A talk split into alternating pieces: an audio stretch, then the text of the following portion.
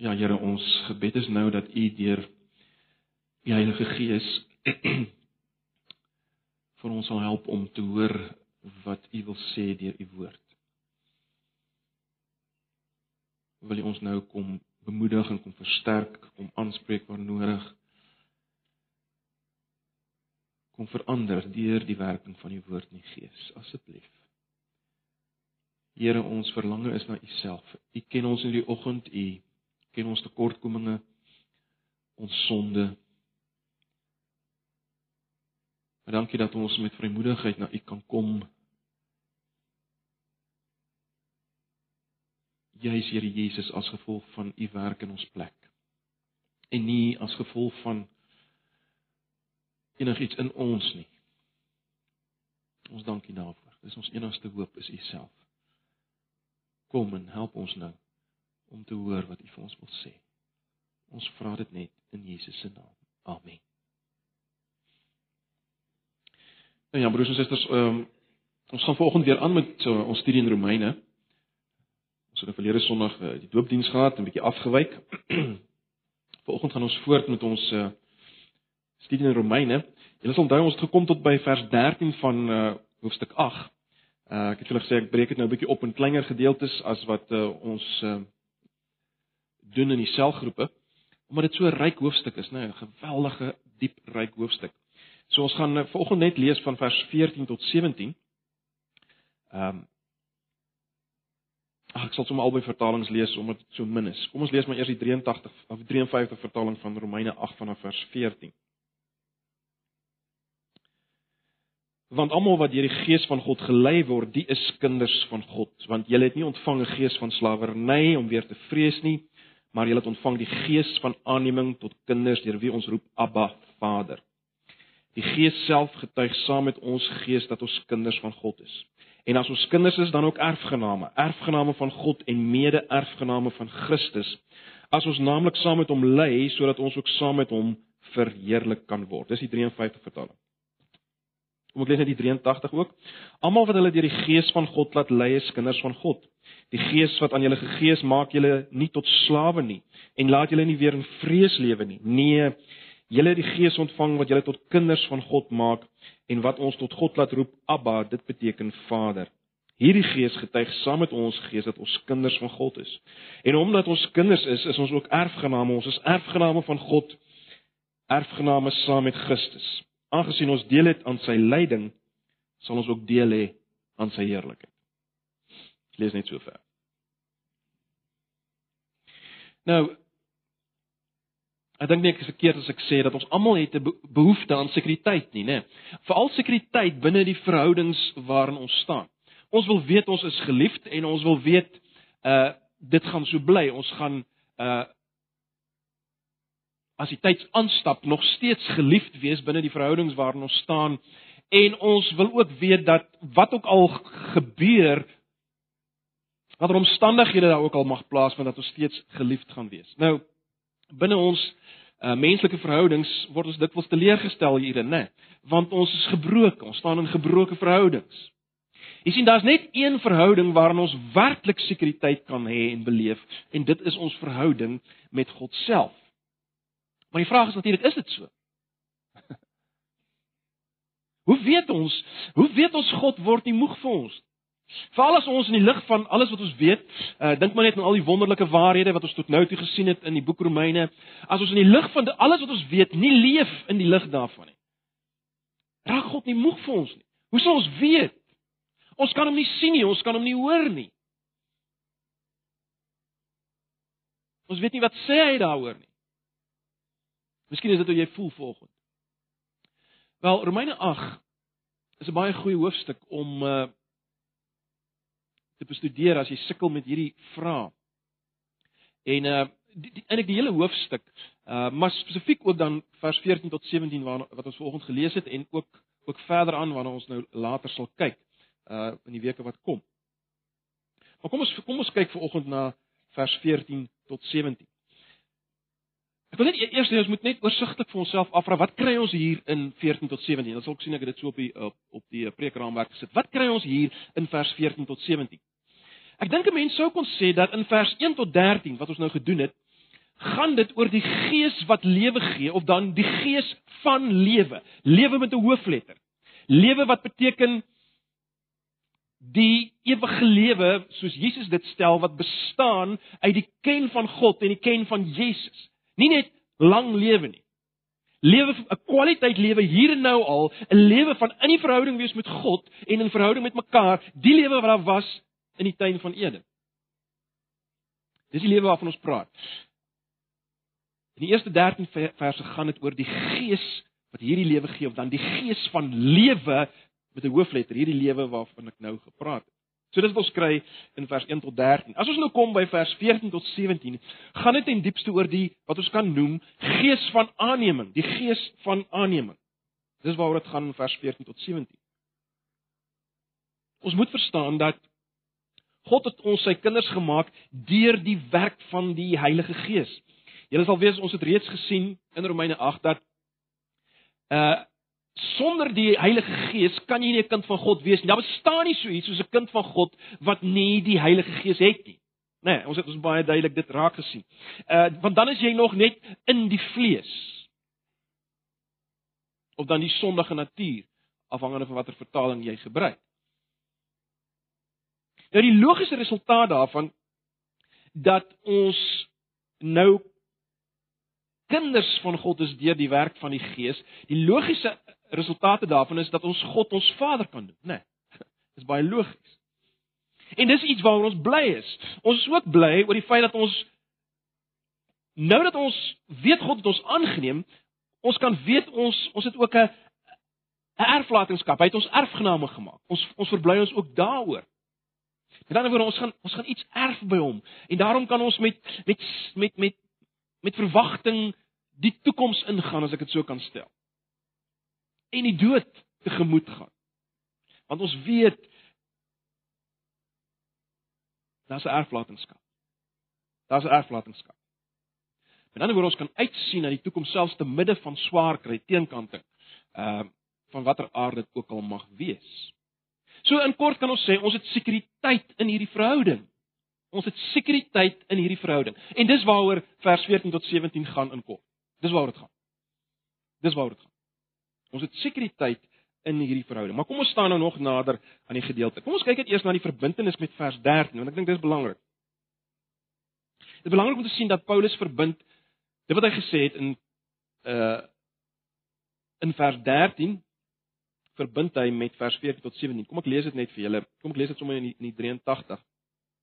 Vers 13 sê: As julle julle lewe deur die sondige natuur laat beheers, gaan julle die dood tegemoet. Maar as julle deur die Gees 'n einde maak aan julle sondige praktyke, sal julle lewe. En dan vers 14: Almal wat hulle deur die Gees van God laat lei, is kinders van God. Wat ons moet raak sien is met ander woorde dit. Omdat die Gees ons lei, kan ons vol vertroue wees dat ons sal lewe. En onthou nou die lewe waarvan ons hier praat, is lewe hier nou al 'n kwaliteitslewe, lewe van ken van God in verhouding wees met hom, maar natuurlik hierdie lewe sal dan ook aangaan tot in alle ewigheid. Dis waaroor dit waaroor dit gaan hierdie lewe. Die punt is, omdat die Gees ons lei, kan ons vol vertroue wees dat ons sal lewe en natuurlik uh dit alles, hierdie wete dat ons sal lewe, gee ons weer die versekering van Romeine 8 vers 1. Daar's dan nou geen veroordeling. Nou kan ons weet as ons as ons dit kan weet, kan ons weet daar's geen veroordeling vir ons, want ons is in Christus Jesus, né? Nee.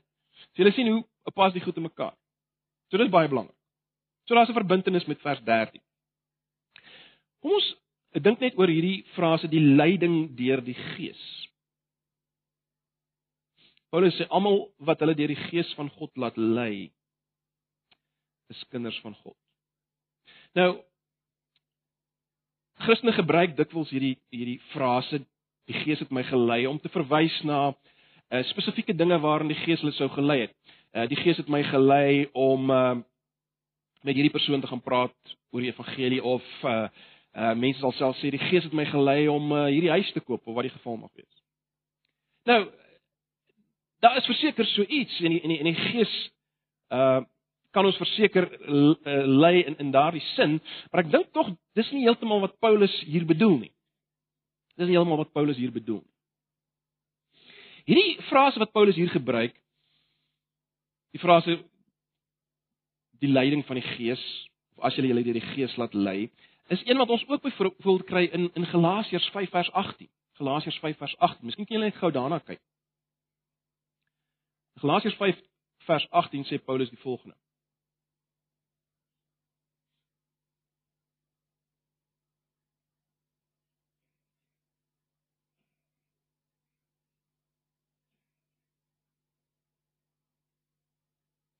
Galasiërs 5 vers 18 sê: "Maar as julle julle deur die Gees laat lei, staan julle nie meer onder die wet nie."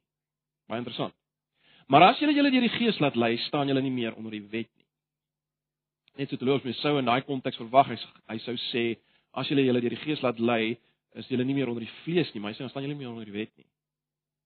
Maar goed, die die, die punt is, die hele konteks daar in in, in Galasiërs is baie duidelik om om deur die Gees gelei te word of om jou deur die Gees te laat lei, beteken dat die basiese oriëntasie van jou lewe, die basiese oriëntering van jou lewe word bepaal deur die Gees. En dit staan natuurlik in skrille kontras met die persoon onder die wet, onder die Ou Testamentiese bedeling, die wetsbedeling. Wat eintlik ten diepste deur die vlees gelei word, want ons julle sal weet, uh dis hoe Paulus dit gebruik. Die wet laat eintlik maar net die vlees weer opstaan. Ons het dit ook gesien in Romeine. Die wet sit sonde aan die gang. Né? Nee, dit laat sonde opspring en jy leef eintlik weer vir die vlees. As jy onder onder daai bedeling leef en dit geld nie net histories vir die ouens wat geleef het onder die wetsbedeling nie. Die oomblik as jy jou weer plaas onder wet, 'n lewe van moets en moenies, ek mag dit, ek moenie dit nie, dan dan dan leef jy volgens die vlees want jy gee aanleiding dat die die sonde word spring op in jou. Dis wat gebeur. Maar maar dis hoe jou basiese oriëntasie dan lyk. Maar daarteenoor is die persoon wat om deur die gees laat lei. So jy sal sien dit gaan hier oor oor oor die basiese oriëntering van jou lewe wat bepaal word deur die Gees. Dis wat Paulus be bedoel met hierdie frase uh om jou deur die Gees laat lei. En dit dit is met ander woorde as ons as ons dit in gedagte hou, dan is dit wat hy hier sê in Romeine 8 as hy verwys na die die leiding deur die Gees, is dit niks anders as 'n opsomming van dit wat hy gesê het in vers 4 tot 9 nie. Met ander woorde, die leiding deur die Gees is niks anders as 'n opsomming van wat hy gesê het oor die Gees in vers 4 tot 9. Julle is onthou in vers 4 tot 9 wys Paulus wat die kontras tussen 'n persoon wat in die Gees is en 'n persoon wat nog in die vlees is of in die sondige natuur. Geweldige kontras. En uiteindelik eindig hy in vers 13 met die met die persoon wat in die Gees is, is iemand wat sonde doodmaak deur die Gees. En dit alles vers 14, ag, ekskuus, vers vers 4 tot 9, som Paulus met ander woorde as te ware op in die frase elkeen wat hom deur die Gees laat lei. Kind van God. So om deur die Gees gelei te word, sluit daai dinge in. Dit wat gesê word in vers 4 tot 9 en spesifiek dan die doodmaak van sonde deur die Gees. So net so terloops met ander woorde, as jy wil weet of jy jou laat lei deur die Gees, moenie vra ehm um, het die gees vir my gewys dat ek ehm uh, hierdie hierdie huis of hierdie BMW moet koop nie. Vra vir jou het die gees my gelei om die begeerte dood te maak om uh ryk en belangrik te wees ensovoorts. Sien dit dit is iets, anders waaroor dit hier gaan. So as ons wil verstaan waaroor gaan die leiding van die gees hier waarvan Paulus praat. Uh dink aan dit wat gesê word in vers 4 uh tot 9 en dan spesifiek ook in vers vers 13.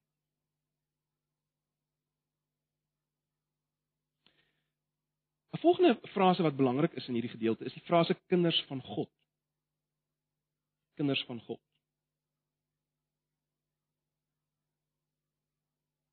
Vers 16 sê die Gees self getuig saam met ons dat ons kinders van God is. Mense sou dit meer letterlik kon vertaal met seuns van God seuns van God. Nou, hierdie frase kom natuurlik uit die Ou Testament. God word uitgebeeld as die Vader van Israel. Ek weet nie of julle dit al raak gesien het nie. Ehm um, ek dink aan Deuteronomium 32 vers 6, Jesaja 64. En Israel terloops word dikwels God se seun genoem. As ook 'n interessante vers in Hosea 11 vers 1 waar God sê ek het my seun uit Egipte geroep. Verwys nie na Israel. Hosea 11 vers 1 ek het my seun uit Egipte geroep. En baie interessant, dit word dan toegepas deur Matteus op Jesus. Ek het my seun uit Egipte geroep. Want jy sien Jesus het ons nou al mekaar gesê neem die rol oor van Israel. Maar baie belangrik, dis nou die term wat gebruik word vir ons. Seuns van God of kinders van God. So ek sê die meer letterlike vertaling sou wees seuns van God. En dis 'n geweldige gedagte, is dit nie? Ons is so gewoond, broers en susters, ons het al mekaar gesê, ons is so gewoond aan hierdie terme, né? Ons ons praat ons ons praat so maklik daaroor. Ons ek is 'n kind van God, maar dis iets geweldigs. Uh Johannes in sy eerste uh, brief uh vind dit uh, vind dit ongelooflik, onuitspreeklik wonderlik. Hy sê in 1 Johannes 3 vers 1, hy sê kyk watter groot liefde die Vader aan ons bewys het. Hy noem ons kinders van God en ons is dit ook en die wêreld ken ons nie omdat dit hom nie ken nie. Kyk watter groot liefde die Vader aan ons bewys. Ons is kinders van God. Dis iets geweldig. So ek sê ons is ehm uh, ons is so gewoond aan hierdie term. As jy mooi daaroor gaan dink, kind van God. En onmiddellik sal julle sien dit plaas ons in dieselfde posisie as wat Jesus was. Wat seun van God was. As ek sê die letterlike vertaling sou wees seuns van God. Ons is seuns van God. Maar dit bring ons by vers 15 en 16.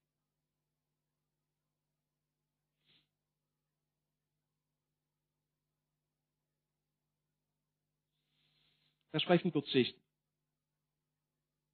Wat Paulus sê, want julle het nie ontvang 'n gees van slawerny nie om weer te vrees nie, maar julle het ontvang die gees van aanneming tot kinders, deur wie ons roep Abba Vader. Die Gees self getuig saam met ons gees dat ons kinders van God is. Dis die 53 vertaling. Nou, 'n mens kom baie tyd spandeer om te probeer verklaar hoe lyk hierdie gees van vrees? Hoe hoe manifesteer dit? Met ander woorde, hoe lyk dit in in 'n mens se lewe hierdie gees van vrees? Ou kon die fokus daar laat val, maar ek dink dan laat val 'n mens die fokus op verkeerde plek. En ek dink jy mis bietjie die punt. Uh, uh, Paulus wil waarskynlik bloot deur hierdie kontras tussen vrees en aanneming wil hy die klem laat val op die op die aard van die gees en die aard van sy werk. Jy sien die punt wat hy wil maak is dit, die gees van God is nie 'n gees van vrees nie, maar die gees wat ons seuns van God maak. Kinders van God maak. Met ander woorde, Hy's die gees wat ons juis bring in 'n verhouding sonder vrees. Dit is juis die gees se werk. Hy bring ons in 'n verhouding sonder vrees. hy bring ons in 'n liefdevolle, sekuriteitsvolle vader-kind verhouding. Hy bring ons nie in 'n regterlike regter veroordeelde verhouding as ek dit so kan stel. Nee, dit, dit dit is die groot punt. Dis nie die werk van die gees om ons aan te kla nie. Ons sal later in Romeine sien dat Ons word aangekla. Maar dis nie die Gees se werk. Die Gees doen dit nie. En dit is belangrik dat dit sal raak sien alreeds hier. Die Gees van aanneming is per definisie die Gees wat vrees wegneem. Dis per definisie wat die Gees doen. Die Gees neem vrees weg. Nou die uh die wetlike handeling van aanneming is natuurlik iets wat die Jode nie geken het nie. Hulle het nie so gebruik gehad nie, maar dit was wel 'n Grieks-Romeinse gebruik en Paulus sluit hierby aan, né? Uh die gebruik wanneer 'n kind aangeneem is en dan het hy wetlik al die regte van 'n van 'n eie kind ontvang. Met ander woorde, Deur aanneming het ons al die regte en voorregte van God se eie kinders, as jy dit so kan stel. Ons het al die regte en voorregte. So mens kan amper sê dis 'n aanneming is 'n is is amper 'n wetlike ding wat ons bring in 'n verhouding situasie van net soos eie kinders wees. Dit is geweldig belangrik om dit te sien. Met ander woorde, onmiddellik weer eens, ons het al die regte en voorregte van Jesus, God se eie kind, by wyse van spreuke. En dit dit sit agter dit wat Paulus hier wil sê.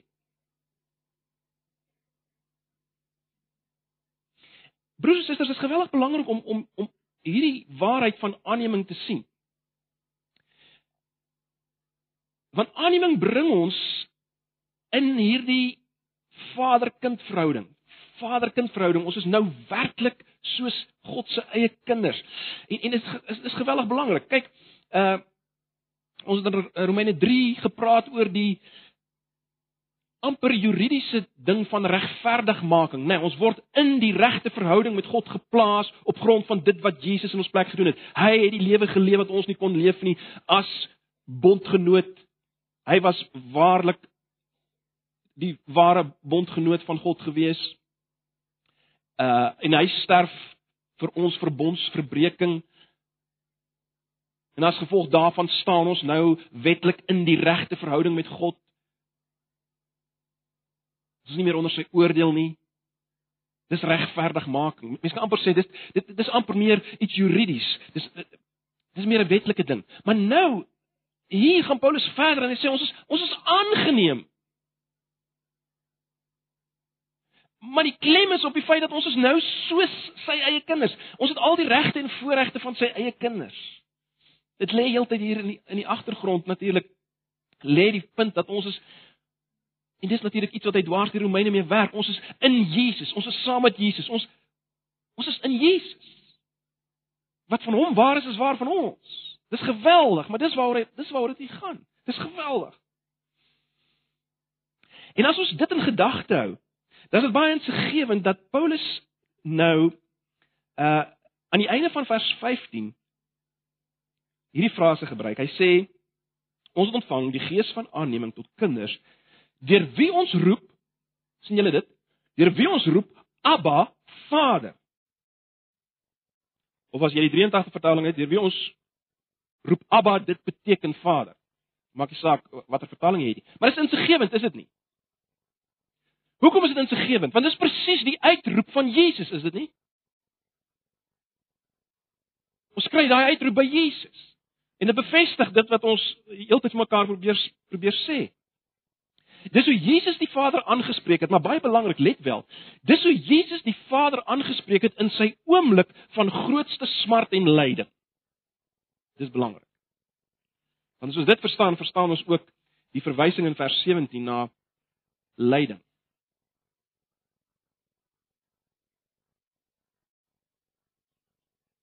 Dis hoe Jesus die Vader aanspreek in sy oomblik van grootste lyding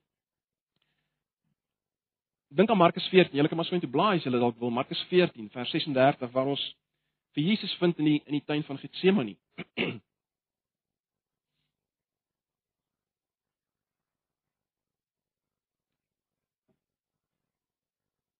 Ja net net terloops wat ons kry daar in ehm, Markus 14. Julle sal dalk nog kan onthou het ons Markus gedoen het. Ons sien Jesus is doodsbenoud. Doodsbenoud. En dan in vers 36 lees ons hy, dis Jesus het gesê Abba Vader Alles is vir U moontlik. Neem hierdie lydensbeker van my weg. Moet nogtans nie doen wat ek wil nie, maar wat U wil. en dan wat sien ons daarna? Dan sê Jesus, kom ons staan op. Staan op. Hy sê vir die disipels staan op. En hulle stap kruis toe. Geweldige verskil tussen wat Jesus kan mens amper sê sy ingesteldheid was voordat hy dit gebid het in vers 36 en na hy gebid het. Gaan lees dit weer in in Markus om het, om die kontras te sien. Daar's 'n geweldige kontras. Die doodsbenoudheid van Jesus en dan hierdie vers 36 as hy roep na Abba Vader en dan daarna wat hy vir die ander sê, kom, staan op, kom ons gaan. Kom ons gaan na die kruis toe. So wat probeer ek sê? In die oomblik van sy grootste lyding was Jesus bewus van sy kindskap.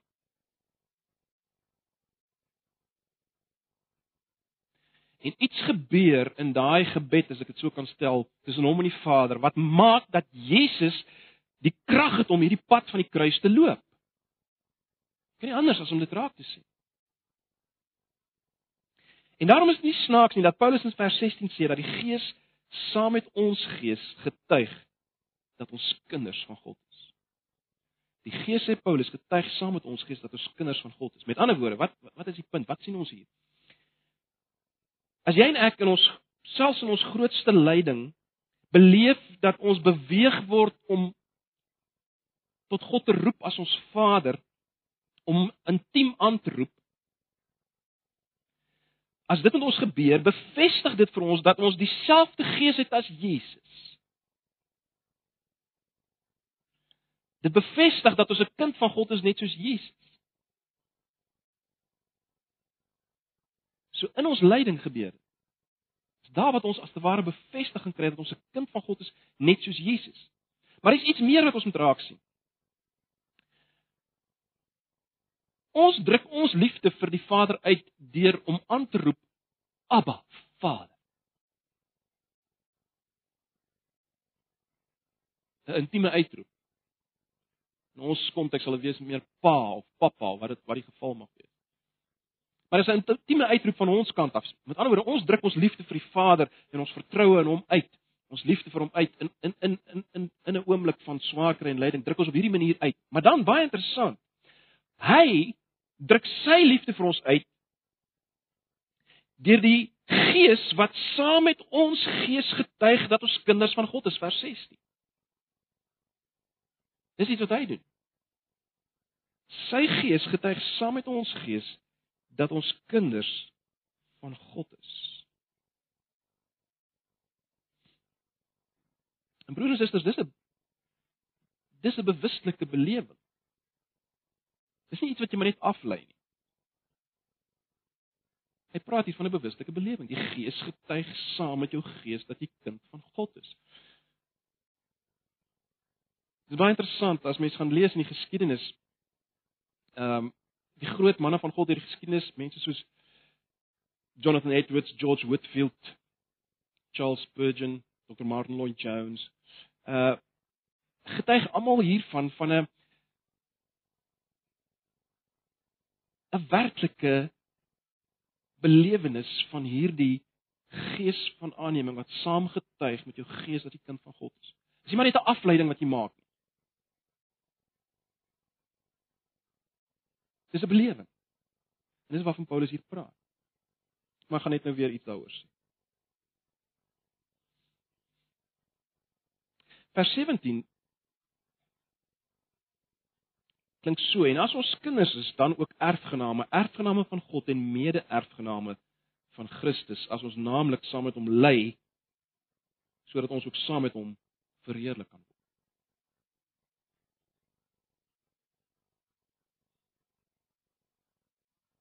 So Paulus het as te ware nou beweeg van gees na seenskap en nou beweeg hy na erflating toe, na erfgenaam. Onthou ons het vir mekaar gesê die die die aangenome kind uh kry al die voorregte wat die wat die eie kind kry. En en dis wat Paulus hier probeer sê. Dit sluit die erflating in van die Vader. Die die die regte kind erf.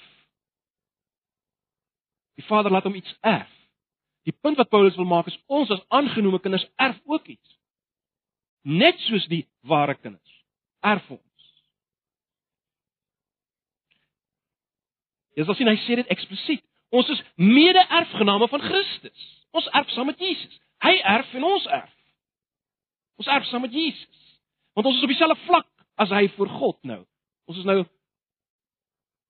ons deel aan dieselfde voorregte. Ons is aangenome kinders. Nou ons weet net natuurlik nie presies wat dit behels nie, nê. Paulus stel dit so in 1 Korintiërs 2 vers 9. Hy sê hy sê wat die oog nie gesien en die oor nie gehoor het nie. En wat in die hart van die mens nie opgekom het nie, dit het God gereed gemaak vir die wat hom liefhet. Broers en susters, hierdie erflating ons weet nie wat dit inhou, wat dit presies is nie, waarna verwys hy alles. Maar is heerlik en is geweldig en is groot. En ons kan dit nie eers ons kan dit nie eers bedink nie, dit kom nie eers in ons op nie. Maar baie belangrik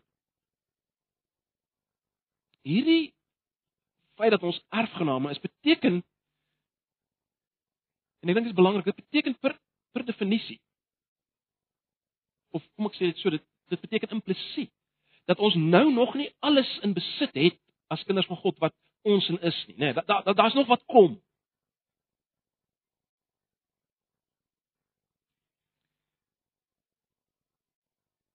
En dit beteken per definisie ook dat ons nog lyding moet deurgaan en swaar kry en, en dinge wat ons nie verstaan nie. Dinge soos wat nou gebeur het met Henning, hulle wat ons nie verstaan nie. Per definisie is dit deel van die van die waarheid dat ons nou kinders van God is, maar uiteindelik gaan erf. Vers 17 sê ons kinders is ons ook erfgename, ons erfgename van God, erfgename saam met Christus. Aangesien ons deel het aan sy lyding, sal ons ook deel hê aan sy heerlikheid. Met ander woorde, die die die pad na ons, as ek dit so kan stel, die pad na uiteindelike inbesitneming van ons erflating is die pad wat loop deur swaar kry en lyding. Die wonderlike ding wat ons hier moet raak sien is dat ons in hierdie swaar kry en lyding nie alleen gelos word En 'n belangrike sleutel wat ons weer moet sien is ons eenheid met Jesus, is dit nie?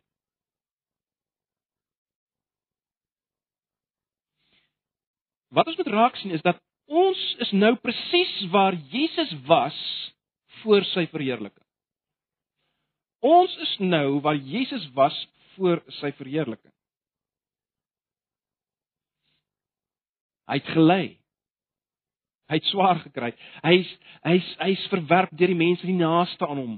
Hy hy's verraai deur deur een van sy eie. Hy hy's verloon deur sy mees geliefdes. Uh uiteindelik roep hy uit aan die kruis: "My God, my God, waarom het U my verlaat?" Hy het al hierdie dinge beleef. Pad van swaar kry, lyding.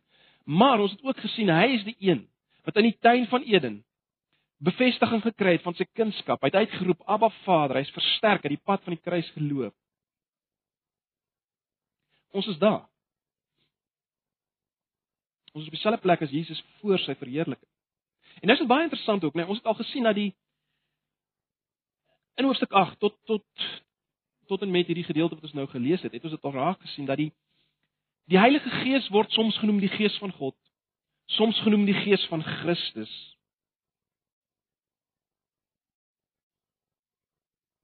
En soms word dit net eksplisiet genoem Christus. Kyk na vers 10. Kyk net na vers 10.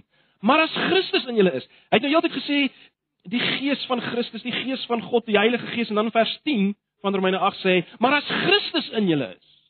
Jy sien, ons moet dit raak sien. Dis Christus wat in ons is. Die manier hoe Christus nou in ons is is deur die Heilige Gees, maar dis Christus wat in ons is. En dis geweldig, is dit nie? So ons kan sê dat die gees van aanneming wat saam met ons gees getuig is, die gees van Christus of as jy wil, dis Christus self en dit is geweldig want want dit beteken hy hy verstaan absoluut waar ons ons bevind meer as dit. Hy het hierdie pad gestap. Hy het dit prakties beleef en dit maak dit soveel kosbaarder dat dat dit hy is wat by ons is en dat dit hy is wat saam met ons gees getuig binne in hierdie situasies van waar ons wil uitroep, my God, my God, waarom het U my verlaat? Waar is U? In hierdie situasies kom hy en hy getuig saam met ons gees dat ons kinders van God is. Hy weet wat dit beteken. So dit raak sien. Geweldigheid natuurlik van die die drie eenheid kom oral hier na vore. Ek wil nie nou daarop ingaan nie. Maar dit is geweldig. Die gees van aan.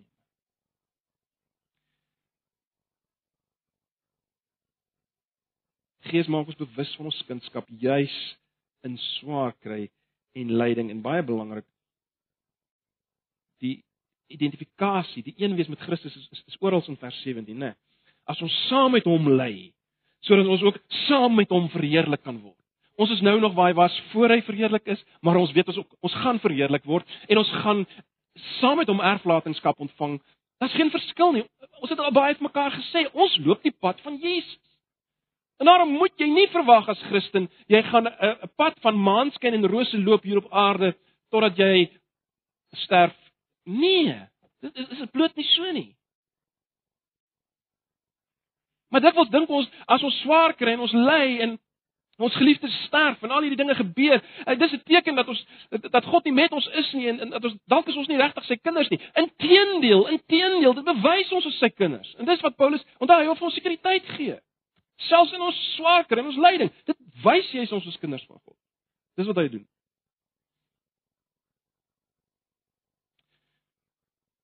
Kom ek sluit net af met 'n paar vrae wat ons onsself moet afvra.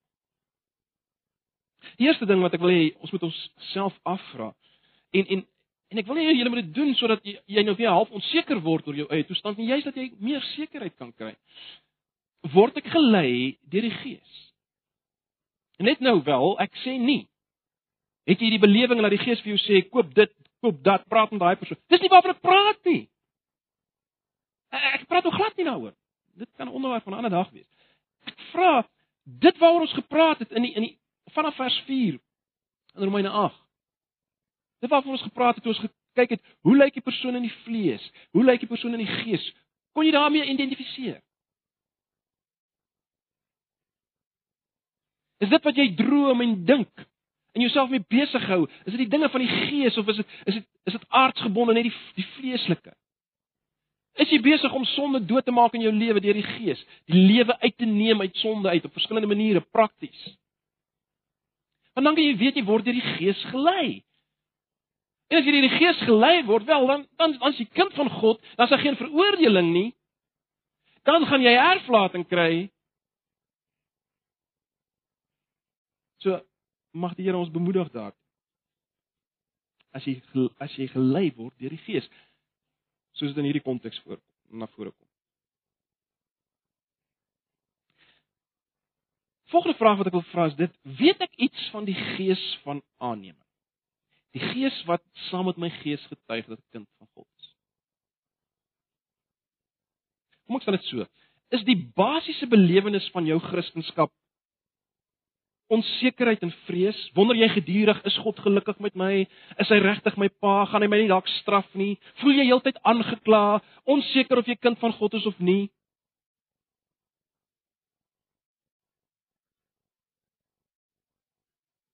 Of weet jy iets van hierdie gees van aanneming wat saam met jou gees getuig dat jy kind van God is? Ek het 'n paar opmerkings hieroor maak. Paulus skryf uiteraard oor iets hier wat duidelik die belewenis was van van gelowiges of die belewenis behoort te wees van gelowiges. Maar dit is ook so dat as ons eerlik is, dan is dit nie altyd ons belewenis. Of dalk het jy dit nog nooit beleef as kind van God. Wat moet ons dan daarmee maak? Ons het hier baie duidelik te doen met 'n kom ek noem dit 'n dieper vorm van sekerheid. Kyk, ons kan seker wees op grond van God se beloftes, verseker. Né? Nee. Ons weet ons God se beloftes dat ons as ons aan Jesus vashou, is ons sy kinders. Hier is iets amper meer. Hier is iets en ons ek weet ons as gereformeerdes hou nie van die woord nie, maar hier is iets subjektiefs. Hier is iets subjektiefs. Subjektiewe sekerheid. Ek gaan dit so probeer vergelyk. Ek het al die vergelyking genoem, maar Mens kan dit vergelyk met 'n pa en sy kind wat ergens heen loop of 'n ma en haar kind wat ergens heen loop. Terwyl die kind saam met jou loop, die kind is bewus dat hierdie pa of hierdie ma is, is sy pa of ma terwyl hulle so loop. Met ander woorde, hy of sy is bewus van sy kindskap. Maar stel jy nou voor die pa of ma tel daardie kind op en druk hom of haar vas. Dis iets anders, is dit nie? Dis 'n dieper vorm van sekerheid. Intieme sekerheid. Ek is kind van my pa, my ma. Jy kan jouself voorstel as daar as dit as 'n situasie is waar 'n kom ons sê 'n hond storm jou ehm um, of dalk skote wat langs jou klap en jou pa of jou ma tel jou op en druk jou vas, is dit nog meer 'n wonderlike belewing. En ek dink dis iets daarvan waaroor Paulus hier skryf. Dis waaroor Paulus hier skryf.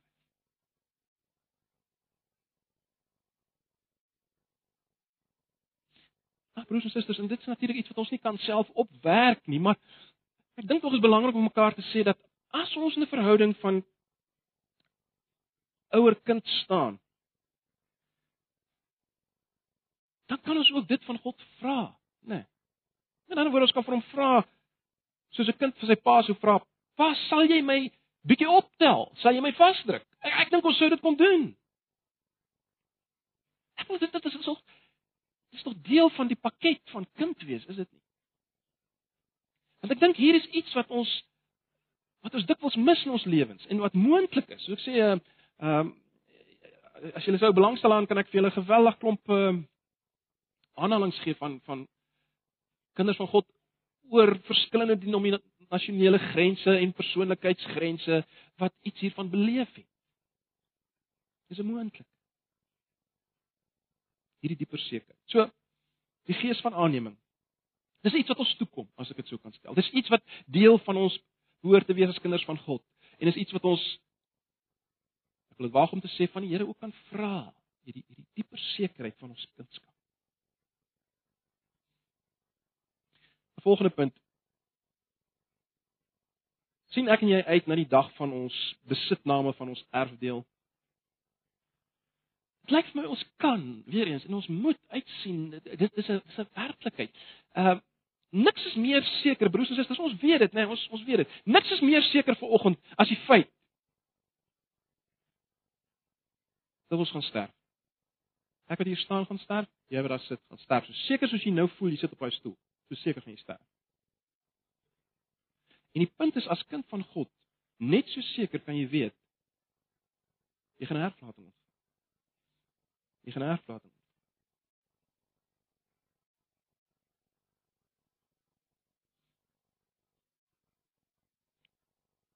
Die vraag is bedink ons dit? Verlustig ons ons daarin? sien ons uit daarna? Dis deel van ons voorreg. Dis deel van die voorregte van kind van God wees. Ons kan gebruik maak daar uh daarvan. Uh in die lig van van hierdie gedeelte. Dan net 'n laaste opmerking. Is ek oortuig daarvan dat die leiding van die Gees, EU, die leiding van die Gees gaan hand aan hand met leiding lang uit en swak. Met ander woorde, om anders te sê, wat is jou siening van Nuwe Testamentiese geesgeleide Christendom?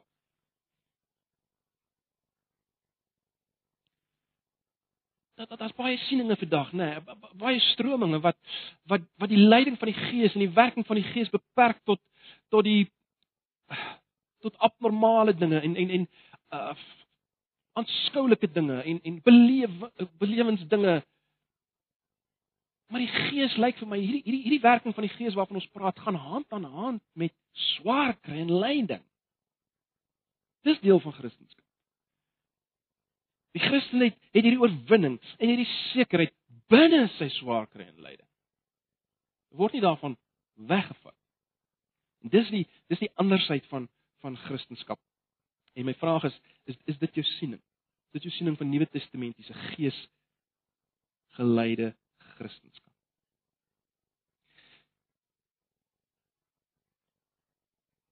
Dalk het jy al gewonder. Wel ek het al gewonder. Uh as mens lees van ehm um, baie mense die dinge waardeur hulle gaan Christene die absolute swaar kry lyding uh waardeur hulle gaan. En dan na die tyd dan as jy lees wat hulle skryf dan dan sê vir jouself maar hoe is dit moontlik? Hoe is dit moontlik dat hulle steeds soveel vreugde kan hê. Hoe is dit moontlik dat hulle God nie verwerp nie? Die logiese is dat hulle moet sê nee. Ek kan nie hier pad stap nie. Maar maar dit was juis hulle wat teenoorgestelde getuig. Dit dit is onverklaarbaar. Die enigste verklaring daarvoor is juis dit wat ons vanoggend hier gesien het. Gees van aanneming. Wat saam met jou gees getuig dat die kind van God is, juis binne hierdie tye. Ehm um, is iets wat ons nie kan verklaar nie. Uh, maar dit is 'n dis 'n werklikheid. En broers en susters, dis dit wels die rede waarom waarom Christene wat deur geweldige swaarkry gaan juis versterk is en uh sterker daar uitkom. Meer oortuig van hul kindskap. Ag, my gebed is dat die dat die Here hierdie woorde sal gebruik om ons almal te bemoedig en te versterk en te laat uitsien uh na dit wat op ons wag. Kom ons bid saam en dan sluit ons af met die laaste lied. Ag Here, baie dankie vir u woord. Dankie vir hierdie waarhede in Romeine 8. Dankie vir die waarheid van aanneming. Ons eer U daarvoor. Ons dank U daarvoor. Ag Here, ons wil vir U sê ons begeerte is om meer en meer bewus te wees van ons kindskap.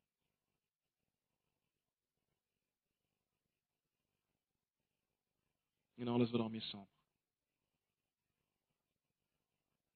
Sal jy ons nie besoek met 'n nuwe werking van die Gees in ons meer laat beleef van hierdie dieper sekerheid. Asseblief, Here, ons vra dit as u gebroke kinders. Ons vra dit in Jesus se naam. Amen.